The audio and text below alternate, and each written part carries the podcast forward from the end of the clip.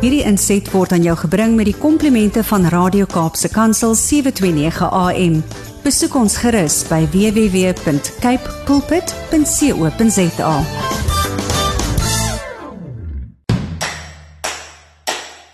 Dis weer eens Saterdagoggend en 'n baie hartlike welkom aan elkeen van u wat ingeskakel het of jy nou inskakel deur die senders van eh, Radio Kaapse Kansel 729 op AM of deur die internet waar jy ook al na ons luister, hoe jy ook al na ons luister.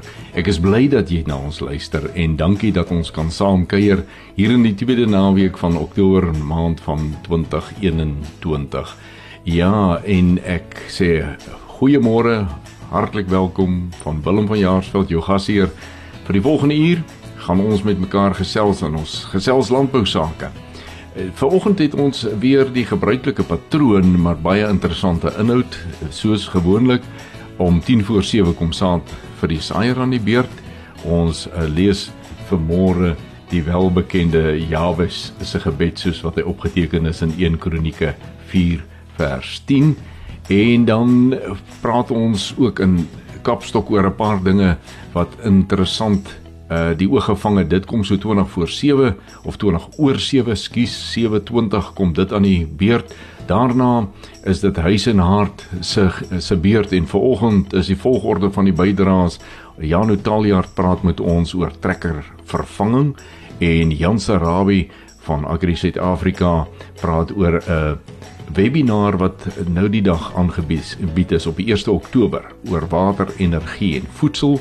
Meneer Gerard Skutte eh, van die RPO, maar hy's deesdae ook die voorsitter van die Nasionale Dieregesondheidsforum, praat met ons oor die taakspan vir diere biosekuriteit wat aangestel is deur die minister van Landbou. En dan het ek so 'n kort gesprekkie wat ek met jou voer oor die belang van back and close seer in Suid-Afrika en waarom hierdie siekte soveel aandag nodig het van ons op hierdie stadium. Landbou landskap word afgesluit met stories van hoop en vermoere gaan dit oor konflikhantering binne in die huwelik en Egbert en Wanda Forsie is die mense wat met ons daaroor gaan praat. Dit is vir ons lekker om jou aan boord te hê. Dis lekker as jy saam met ons gesels, maar jy kan ook deur middel van uh, die e-pos uh die adres patlangsgepraat@gmail.com met my gesels en deelneem aan stories van hoop. Laat my weet as jy graag wil deelneem asseblief. Landboulandskap word aan jou gebring met die komplimente van Cape Pots varsprodukte mark. Ek nooi jou graag om met ons te gesels deur middel van ons WhatsApp en Telegram nommer. Dis vir albei in albei gevalle dieselfde 081 729 1657 of stuur 'n SMS na 37988 en begin jou boodskap met die woord landbou. Ons gesels net hierna verder. Bly ingeskakel. Jy luister na Landbou Landskap op Radio Kaapse Kansel wat uitsaai op 729 AM as ook op die internet en daarom kan jy wêreldwyd na ons luister. In hierdie uur elke Saterdagoggend dan kyk ons so 'n bietjie na die landboulandskap eh, veral in Suid-Afrika. Ons gaan nie noodwendig buite die grense van ons land nie, maar ek wil vir julle sê met 'n bywoning van 'n boerevereniging vergadering nou onlangs het ek net weer onder die indruk gekom wat boere alles in hierdie COVID tyd vermag en en wat hulle hulle mee besig hou. Hulle laat hulle nie in die beer in uh die gang van hulle lewe deur COVID inperking nie. Dis wat dit was vir my wonderlik om te hoor hoe die een groep na die ander terugvoer gee wat hulle binne in die boerevereniging se georganiseerdheid vermag en waar hulle was en hoe hulle hulle sake bevorder onder mekaar met mekaar saam met mekaar. Wees gerus, die boere van hierdie land is ongelooflik aan die gang. Net hierna is dit tyd vir saad vir die saaier. In saad vir die saaier kyk ons vanmôre na 1 Kronieke 4 vers 10. Die welbekende gebed van Jabes. Daar staan Jabes het die God van Israel aangeroep met die woorde: Stort die seën oor my uit, vergroot my grondgebied, neem my onder u beskerming en weerhou onheil van my sodat geen smart my tref nie. En dan God het laat gebeur wat hy gevra het. Wat vir my altyd tref van die gebed van Jabes is in die eerste plek. Jabes is nie 'n persoonlikheid waarvan ons vreeslik lees in die Bybel nie. Inteendeel, ons lees net hierdie gedeelte van Jabes. En ons lees dat sy ma hom met smart in die lewe gebring het en hom Jabes genoem het, wat dalk daar dui dat sy naam ook so 'n bietjie 'n verwantskap het met die smart wat sy ma moes deurgegaan het met sy geboorte. Maar die mooi van hierdie gebed is dat 'n man sonder aansien klaarblyklik 'n baie eenvoudige man 'n baie eenvoudige gebed bid. Maar wat hy reg kry is om komponente wat baie belangrik is bymekaar te sit. Hy vra God se seën. Hy vra dat God sy grondgebied sal vergroot en dis nie noodwendig nog plase nie, maar grondgebied dalk in die gees en sy verhouding met God. Neem my onder u beskerming. Laat u my beskerming wees, nie ek self en my goedere nie. En weerhou onheil van my. Hou u die onheil weg. En hy sê sodat geen smart my tref nie. Vir hom is die smartelike die onheil wat hom nie moet oorkom nie. En in dit wil ek dink ons kan vandag 'n baie belangrike les leer. Dis nie die hoogdrawende woorde, dis nie die lang gebede nie. Dis amper soos die tollenaar wat net eenvoudig gebid het. Jesus, wees my arme sondaar genadig. Eenvoudige gebed. Maar die eenvoud van 'n gebed gaan nie by Jesus of by die Vader verby nie. Hulle verhoor dit. Daar staan God het laat gebeur wat hy gevra het. Kom ons bid saam. Vader, dis vir oggend ons eenvoudige gebed. Soos wat Jabes gevra het, so vra ons ook, want daar is nie meer wat ons kan vra nie. Maar ons wil U dankie sê dat U vir ons soveel meer gegee het as net dit, want U het U seun gegee wat ons met U versoen het, sodat ons 'n ewige lewe kan hê. Vra vanmôre dat U Gees ons sal lei om reg te kies altyd Jesus te kies, hom te volg tot aan die einde. Amen.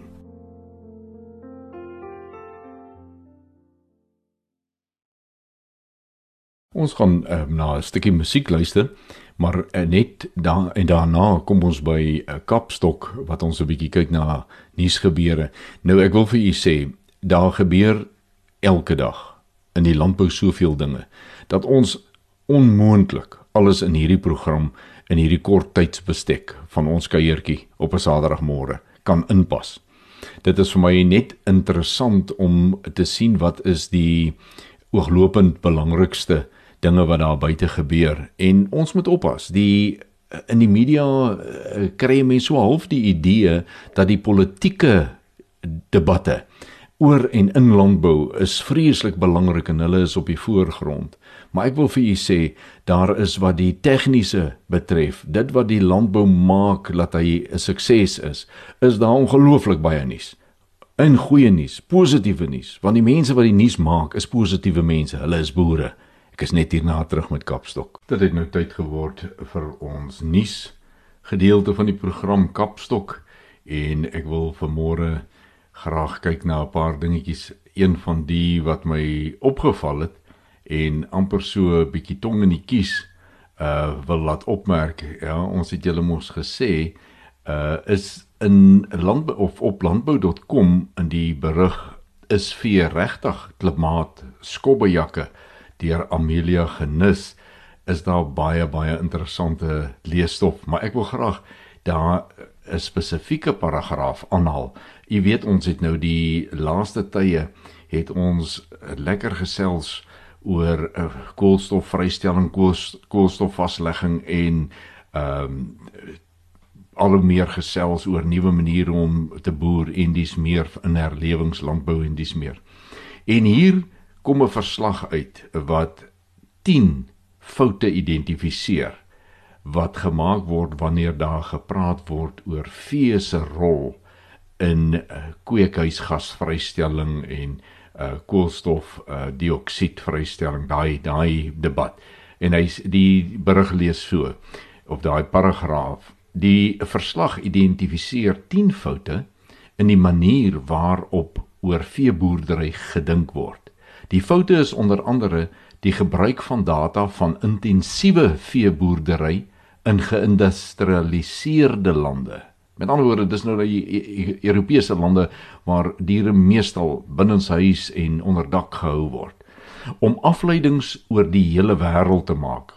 Planne om bome te plant in grasweivelde wat eintlik meer skade gaan aanrig en die feit dat wilde diere selfs meer kweekhuisgasse vrystel as ekstensiewe herkouers.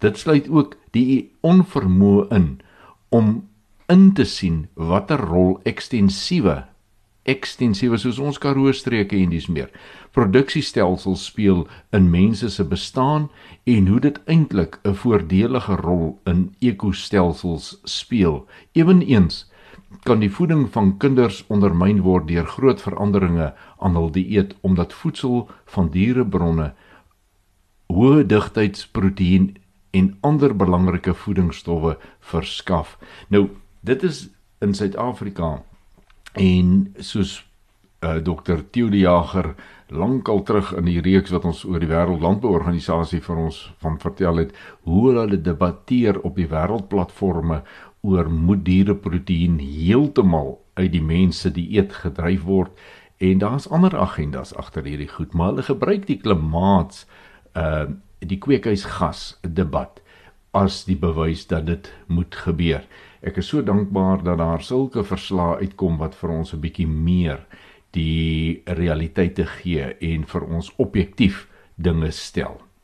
Ook op landbou.com 'n berig deur Michelle van der Spuy onder die opskrif 'n Wes-Kaapse landbou ouditeur-generaal kry bloedneus in hof lees ek die volgende Die Appelhof het die week in die guns van die Wes-Kaapse Departement van Landbou beslis nadat die ouditeur-generaal 'n aansoek gebring het teen gekwalifiseerde ouditverslae vir die departement.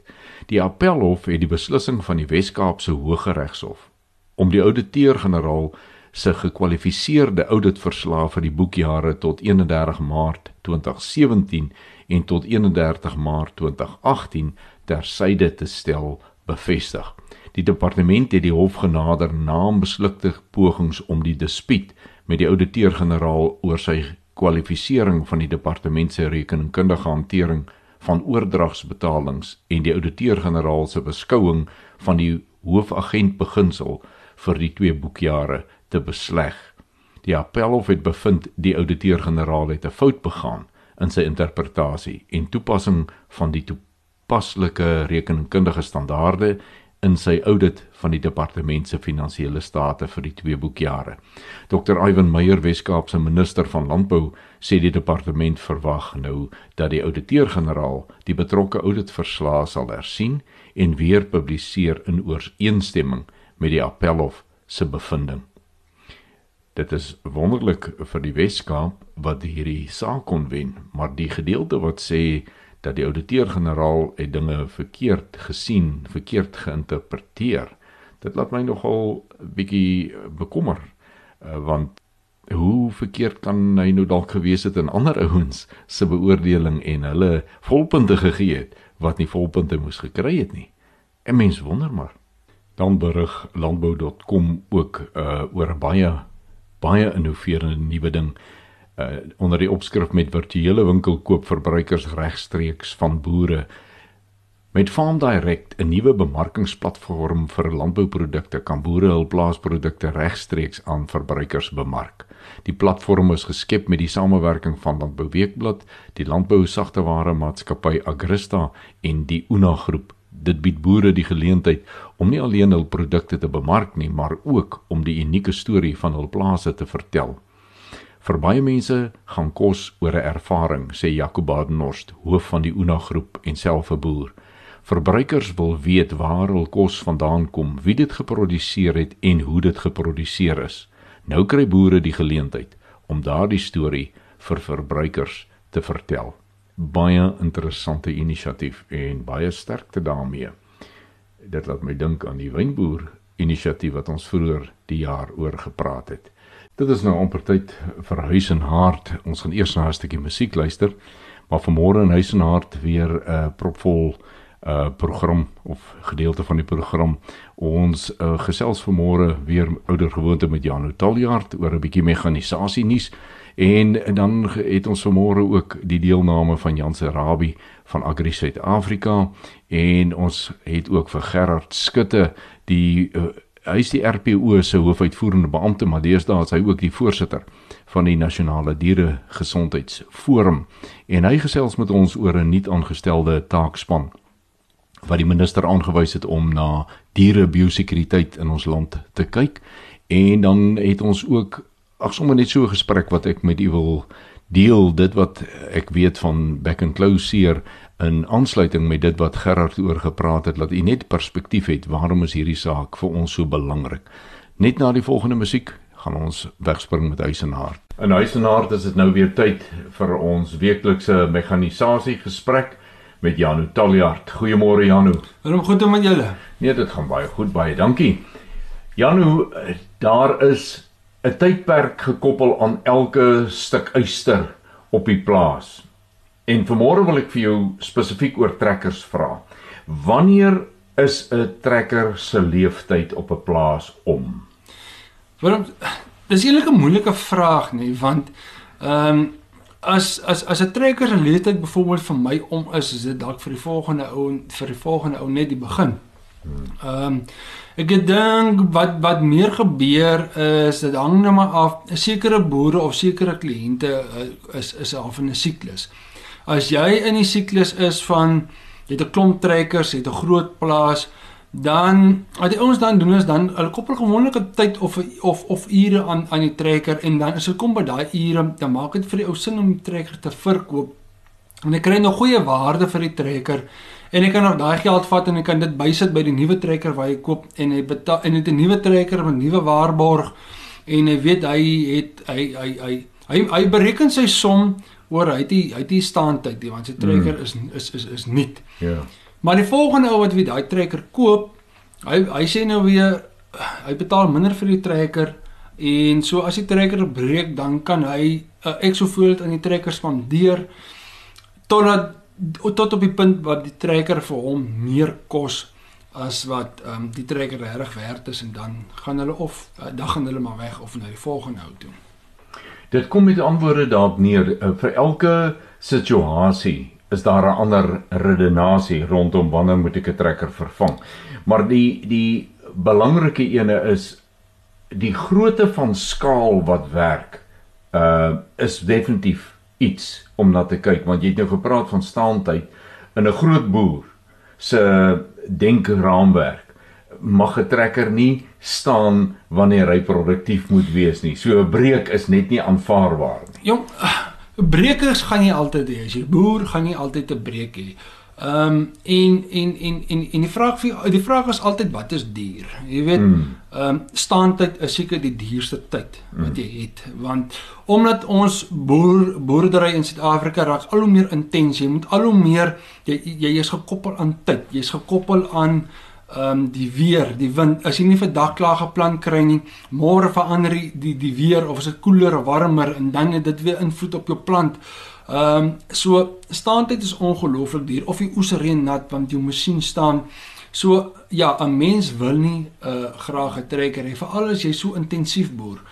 Dan dan dan vervang jy gereeld jou implemente, nie net trekkers maar ander implemente nee. ook om seker te maak dat jy um, nie staandheid het nie. Want ja, 'n nuwe implement is duur. Maar as jy die som gemaak van wanneer 'n ding breek en die tyd wat mm. jy verloor. Ja. As as as jy as jy die daai gaan som gemaak tot op die einde tot daar waar die graan in die in die silo is en tot in die bankrekening, is dit astronomies. Ehm um, jy skrik eintlik baie keer as jy hy som maak. Ja, nou ons het 'n tydjie terug gesels oor satelliettegnologie. En is dit nie ook maar so dat as jou trekker byvoorbeeld nie meer opgradeerbaar is wat hierdie tegnologie betref dat boere dan geneig is om hulle te vervang. Een kant ja, aan die ander kant ook weer nee. Uh baie trekkers kom deesdae uit met al hierdie tegnologie en is dit ingebou in die trekker self in. Maar op 'n of ander dag is dit net harde waarde. Jy weet, jou jou sagte waarde is die goeder wat 'n mens dan net opgradeer, opdateer. En jy kry jy kry toestelle daar buite wat jy vir ouer trekkers kan opbou om dan nou hierdie funksie te, te verrig wat jy dan nou nodig het met die tegnologie set die met die satelliettegnologie ensovoorts.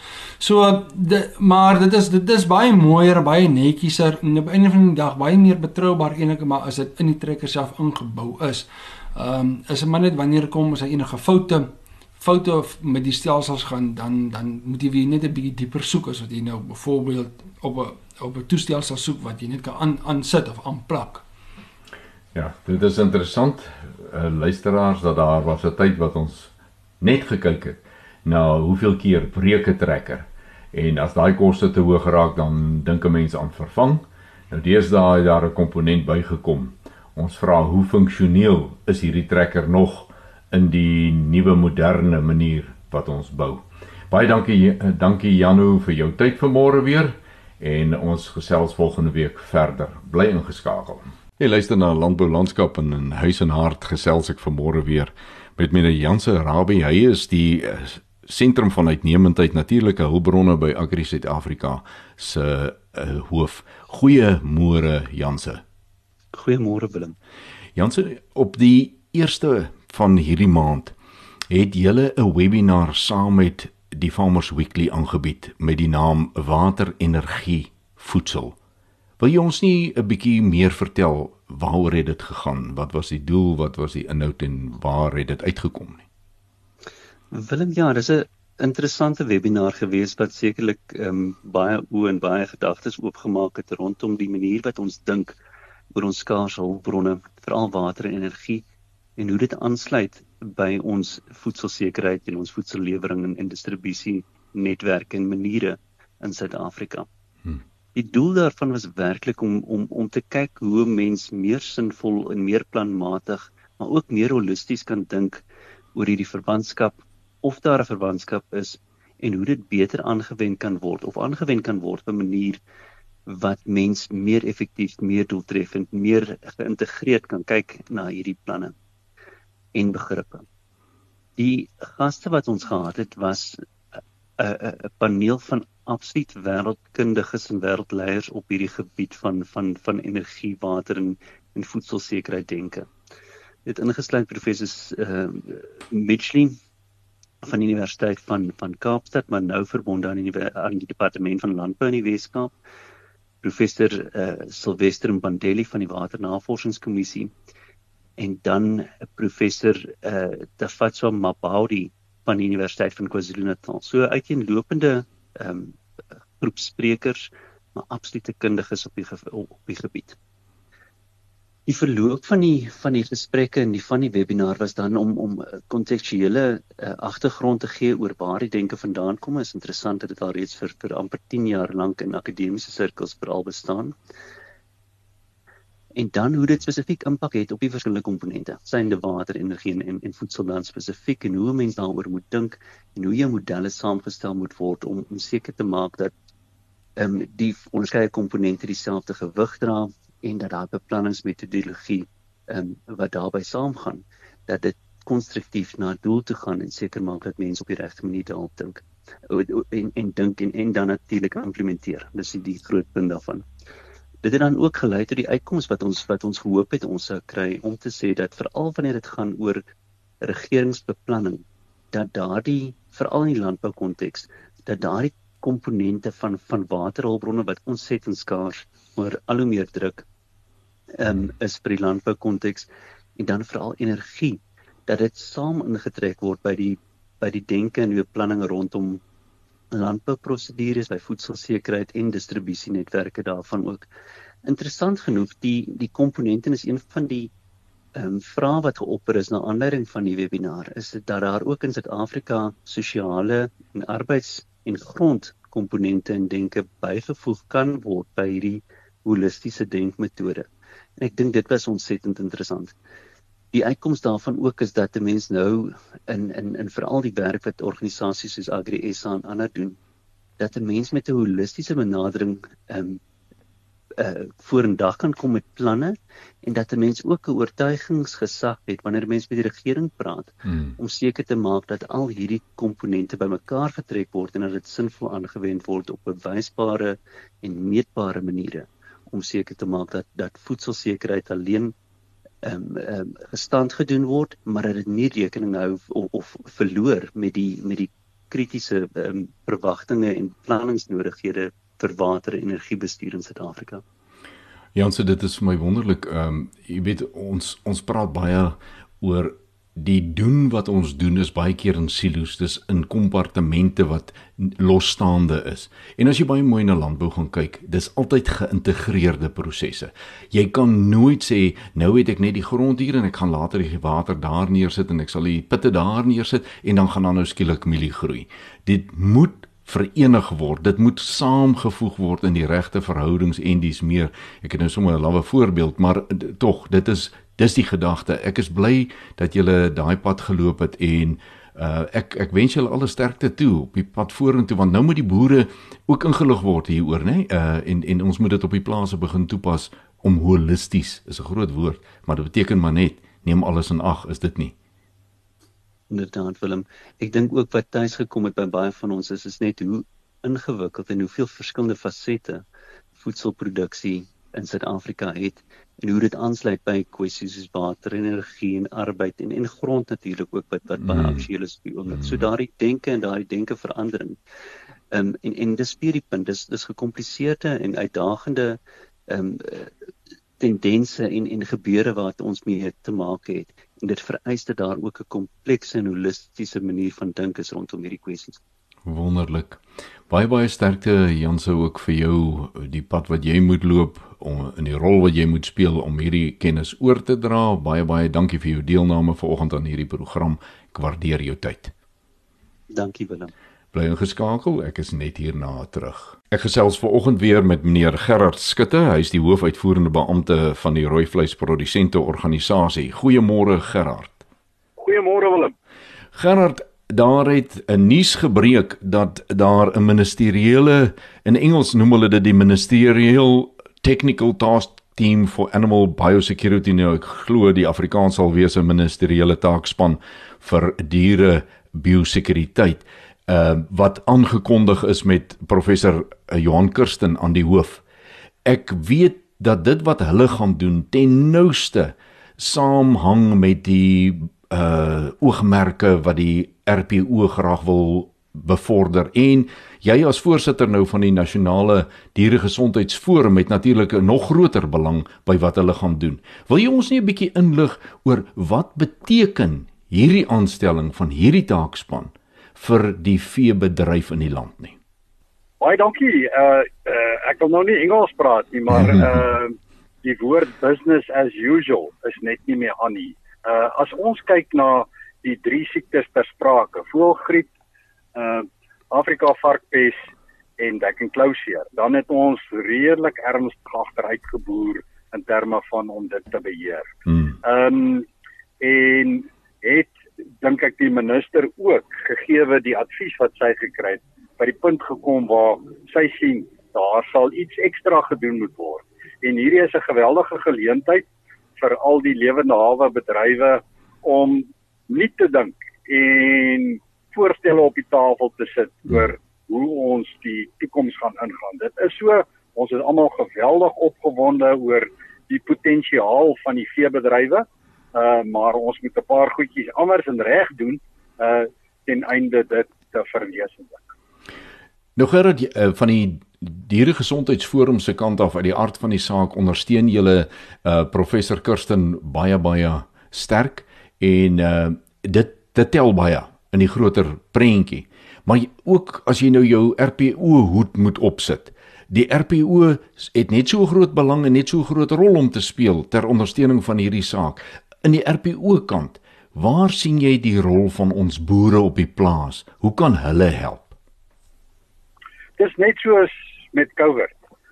Elke ou moet maar sy maskertjie dra en sanitize. Mm. En as ons dit nie gesamentlik doen nie, dan gaan ons nie by die kudde immuniteit uitkom nie. So uh uh ons het mos nou gesien wat virusse aan ons kan doen. Yeah. Ja. Maar ek dink So dis elke boer se se verantwoordelikheid, maar ek dink as organisasie het die RPO ook baie om hier te bied. Ons het oor tyd baie moeite gedoen en jy was baie instrumenteel in die provinsiale dieregesondheidsforum in die Limpopo. En so het ons nege provinsiale veediefstal voor ag uh dieregesondheidsforums neergesit en hulle gaan krities wees in die toekoms om hierdie virusse te bekamp want ons weet mos dat landbou is 'n provinsiale aangeleentheid. Ja, absoluut. En en eintlik nog meer, hy is 'n plaasaangeleentheid. Presies wat jy gesê het, as elke ou nie sy maskertjie opsit nie, as elke ou nie biosekuriteit op sy plaas toepas nie, dan kan ons nie ehm uh, punte wil instel waar ons nou wil kyk of jy dit doen of nie. Jy moet kyk waar jy dit self kan doen. Gerard, ek ek dink uh om om saam te vat hierdie ding, dit gaan alles oor ons herwinning van die uitvoerstatus dat ons weer rooi vleis op die wêreldmarkte kan sit en op die oomblik het die OIE ons uh status opgehef ons mag nie uitvoer nie uh, is dit ons einddoel Dit is een van die drome. Ons kan uitvoere is tans 5% van plaaslike produksie van beesvleis en 1% van skaapvleis. So ons moet altyd onthou, ons grootste mark is die binnelandse mark. Hmm. Maar ons kan uitvoer aan die beeskant groei tot by uh 20% en ons kan die lewendige skaap uitvoere vir slagdoeleindes groei met 6% van plaaslike produksie. So biosekuriteit is vertroue in jou produk mm -hmm. en vertroue in die plaaslike verbruiker in terme van hoe ons biosekuriteit hanteer is net so krities belangrik ehm um, en ter, want dit is waar ons groot mark nog steeds lê. En dit dit tot 'n mate ook dit is vertroue in mekaar as mede-produsent, as medespeler in die waardeketting van rooi vleisproduksie. En ons het op hierdie stadium regtig daai onderlinge vertroue nodig. Gerard, ek sê vir jou baie baie dankie dat jy bereid was om in jou besige program hierdie tyd in te pas om met ons te gesels. Ek waardeer dit. Dankie vir die geleentheid Willem en ek stem saam uh die vertroue moet ook wees tussen die staat en die bedryf en daaraan werk ons baie hard. Absoluut. Baie dankie. Bly ingeskakel, ek is net hierna terug. Na aanleiding van ons vorige bydrae van meneer Gerard Skutte oor die ministeriële taakspan vir diere biosekuriteit is dit miskien nodig om so 'n bietjie perspektief agtergrond te gee sodat ons luisteraars beter verstaan waaroor die opgewondenheid oor hierdie taakspan gaan. Bekkenklauseer is 'n siekte van diere wat nie na die mens oorgedra kan word nie, nie deur hulle produkte, vleis, wol of enige ander produk van 'n dier nie. Maar dit is nie omdat hy nie mense kan siek maak of dalk moet ons eerder sê sou dit wees dat hy mense siek maak sou ons dalk verstaan het waaroor die hoe ha gaan oor back and closure maar nou kan hy dit nie doen nie. So wat is dan die saak?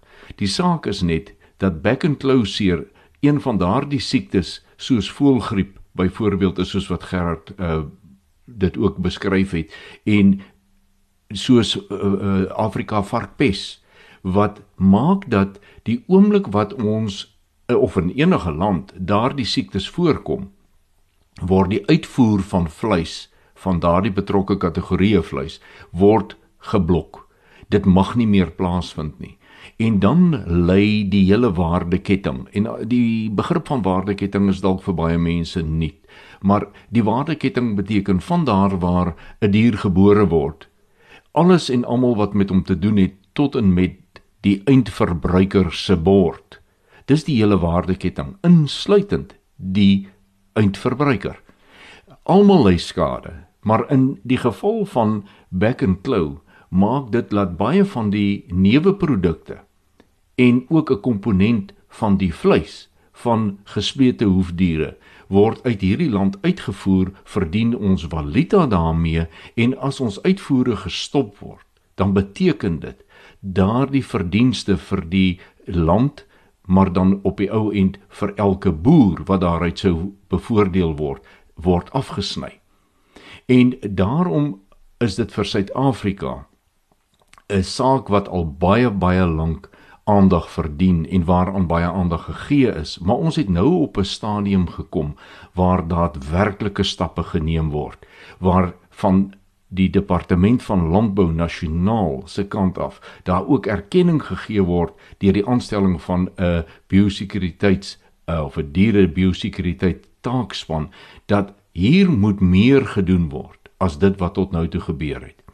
Intussen het daar ook soos wat ons gehoor het in die reeks wat meneer François Knowles van APEC gepraat het, die biosekuriteitsreëls wat deur APEC gepubliseer is in die staatskoerant en wat by wyse van daardie aankondiging eintlik afdwingbaar geword het nou by uh, veilingslokale of enige lokaal waar diere van meer as een plaas bymekaar kom en na 'n aksie, 'n veiling, 'n skou, 'n wat ook al na verskillende plase teruggaan, geld biosekuriteitsreëls. Dis baie belangrik dat ons sal kennis neem hiervan. Vir ons boere is dit belangrik om te weet as jy jou diere koop of van jou diere verkoop by 'n lokaal waar hierdie uh reëls nie nagekom word nie, stel jy jou kudde bloot aan risiko, diere siekte risiko.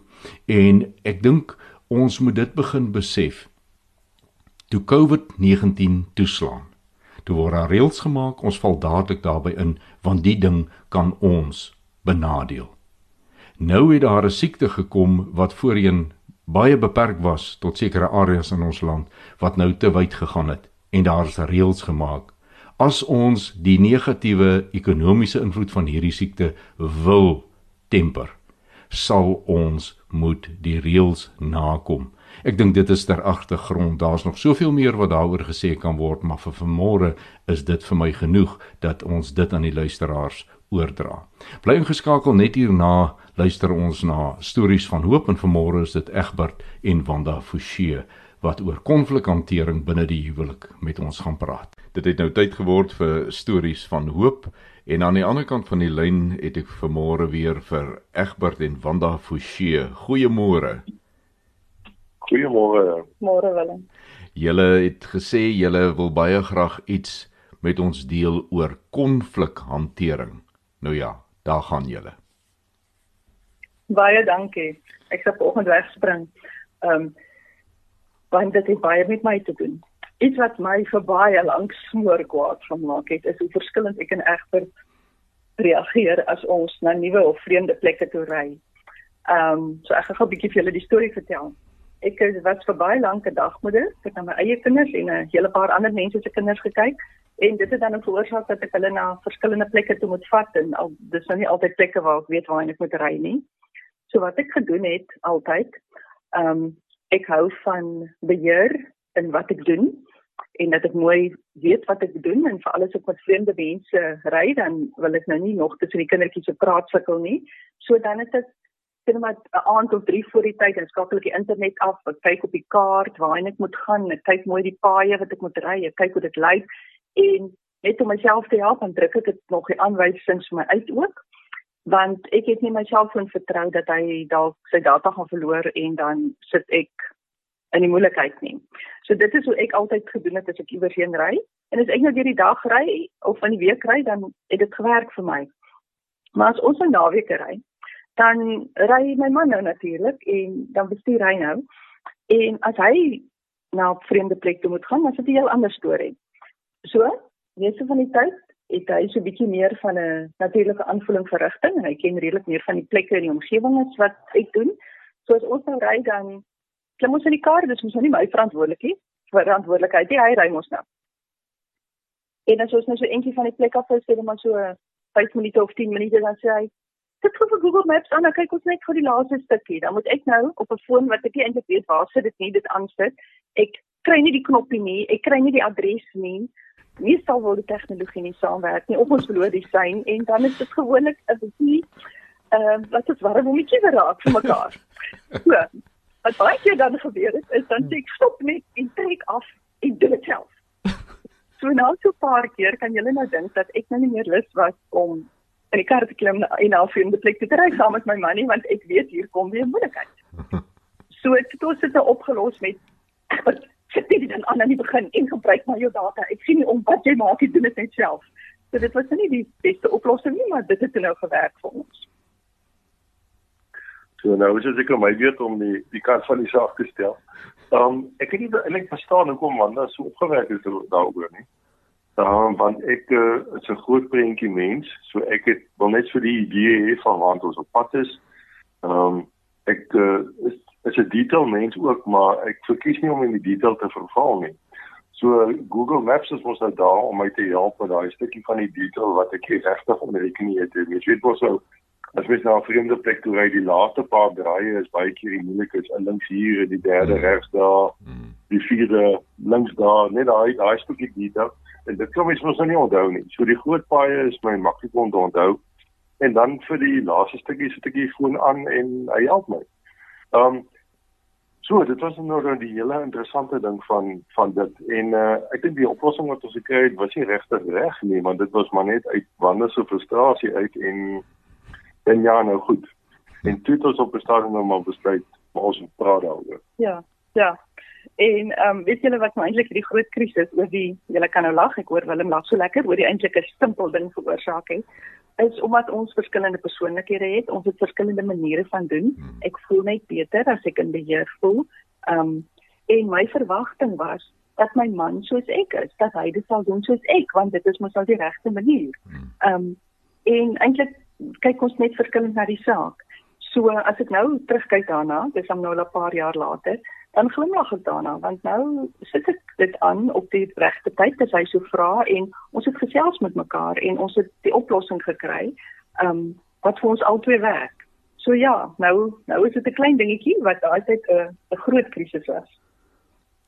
En so as ons nou hierna kyk dan besef ek nie alle konflik is amper sê ek oor so 'n klein onbenullig hier nie. Maar maar tog dink ek baie in die huwelik is daar juist hierdie klein goedels goedertjies die die klein jakkelsies soos wat die Bybel van praat wat eintlik maar aan die dwinger vernoem en daarom is dit belangrik om hierdie klein goedes natuurlik uit die pad uit te kry so as ons net sou dink oor wat ons vir ek en Wanda vanoggend gesê het dit gaan oor dat ons verskillend geskape is dat ons hmm. gees siel en liggaam geskape is met verskillende emosies verskillende persoonlikhede en natuurlik daarmee saam verskillende verwagtinge. En dis juist die verwagtinge wat baie keer lei tot teleurstelling of dan nou erger emosies soos woede uh en uh wat dalk net kan lei tot eintlik dat die ding net groter en groter word as ons dit nie hanteer nie. So wat ek en wanneer baie geleer het is om te sê vir mekaar, maar as hierdie ding begin kop uitsteek, dan moet ons praat oor hierdie situasie as jy amper as die konflik bedaar het sodat die emosies net minder is en uh dat ons net 'n bietjie ligter daar daaroor kan dink en dat ons dan nou kyk oor wat is die verwagtinge wat ons in hierdie situasie gehad het. Ek gaan nou vra dat wanneer ons iets lees uit Filippense 2 uit net al om 'n bietjie ons gedagtes te kry rondom hoe hanteer ons konflik wat het ons ingesteldheid wees daaroor. Ek lees Filippense 2 vers 3 en 4 moet niks uit selfsug of eersug doen nie, maar in nederigheid moet die een die ander hoër ag as homself. Jy moenie net elkeen aan sy eie belange dink nie, maar ook aan die van ander. Nou so, eintlik maar net wat ons vanoggend oor gepraat het, gaan dit vir my oor ek moenie probeer wen nie. Dit gaan nie oor wen nie. Dit gaan oor om te verstaan wat is vir my belangrik en dit gaan oor wat is belangrik vir my maat en om dan die wen-wen vir ons twee te kry uit dit uit. So wat ons op hierdie stadium doen byvoorbeeld oor die GPS of die Google Maps is om as ek in die motor klim, sal ek verwanda sê ek hierdie pad gekyk, maar as jy so 10 minute voor ons by die daai afdraai kom, sal jy net vir my kyk. En sy is nou baie gemaklik daarmee. So die hele spanning rond die situasie is nou uitgehaal oor ons mekaar verstaan en oor ons ruimte gee vir mekaar. En op die ou end het ons 'n 'n oplossing gekry wat vir ons albei werk. En as dit 'n moeilike pad is, dan sal ek byvoorbeeld die aanvoerheid net gou deur met haar die pad deurpraat sodat sy ook gemaklik is dat ek kan nou in haar oogpunt die die werk gedoen het om te kyk waar ons gaan. en uh dit is maar dit so dit gaan oor nederigheid om nie te wil wen nie, maar om om haar te eer in die situasie en dan sê hy vir my ook uh eer en dit is die liefde wat ons vir mekaar wys. Ja. Dis Dankie. Dis pragtig. Dit is uh die kern van wat jy gesê het is nie net toepasbaar in uh, die huwelik nie, maar in soveel werksituasies, in soveel omgewings waar daar eintlik meer as een persoon, meer as een opinie is en eintlik meer as een reg manier van doen Ja. is. En dit wat julle nou gesê het, dis so belangrik dat ons ruimte gee vir mekaar se verskille en op die ou end is dit eintlik die verskille wat ons bymekaar gebring het. Dit is nie omdat Ja. ons dieselfde is nie, maar dit is vir my interessant. Net na die huwelikseremonie dan begin van albei kante af die verwagting kom dat nou moet ons presies dieselfde wees. En dis juis Ja. in diversiteit en mekaar aanvul wat die huweliksbootjie beter vaar of die werksomstandighede, die werksomgewing beter is. Ek sê vir julle verskriklik baie dankie vir die praktiese mededeling wat vandag gekom het en uh dat julle nie skaam is om so prontuit daaroor te praat nie. Ek waardeer dit en as julle weer 'n storie het, dan gesels ons rustig weer daaroor. Gerus kan ons dit doen. Baie baie dankie julle twee. Dankie. Totsiens. Totsiens. Bly ingeskakel. Ek gaan net hierna weer terug wees.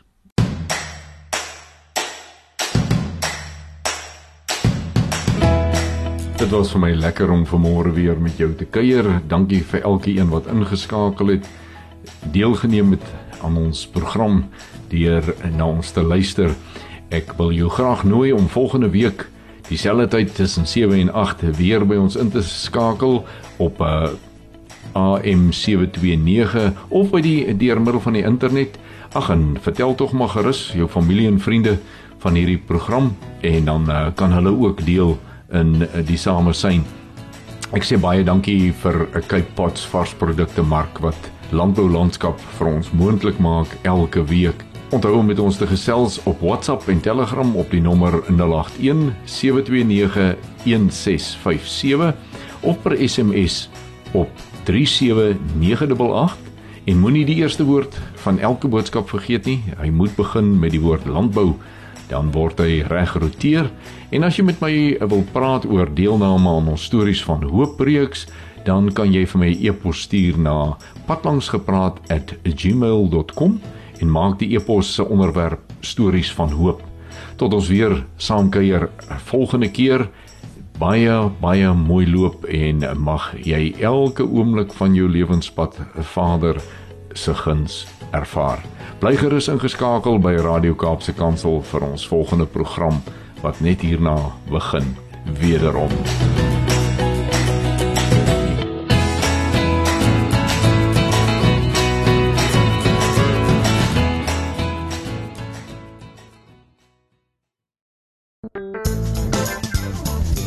Hierdie inset was aan jou gebring met die komplimente van Radio Kaapse Kansel 729 AM. Besoek ons gerus by www.cape pulpit.co.za.